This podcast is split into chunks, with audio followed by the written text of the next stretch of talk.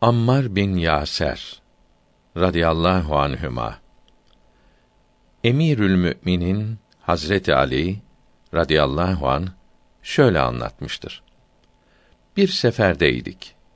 Resulullah sallallahu aleyhi ve sellem Ammar'ı radıyallahu an su getirmeye gönderdi.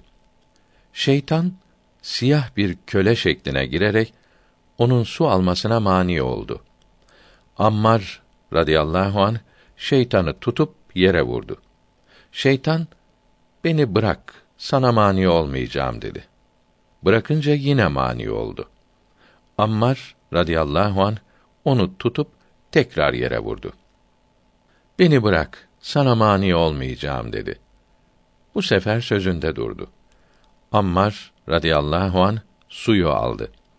Henüz Resulullah'ın sallallahu aleyhi ve sellem huzuruna gelmeden Resulullah sallallahu aleyhi ve sellem şeytan siyah bir köle suretine girip Ammar'ın su almasına mani oldu ise de Allahü Teala Ammar'a zafer verdi buyurdu.